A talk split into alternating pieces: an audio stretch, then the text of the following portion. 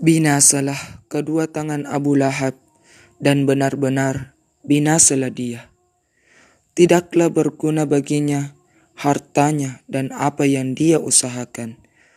Kelak dia akan masuk ke dalam api yang bergejolak. Dan begitu pula istrinya, pembawa kayu bakar atau penyebar fitnah.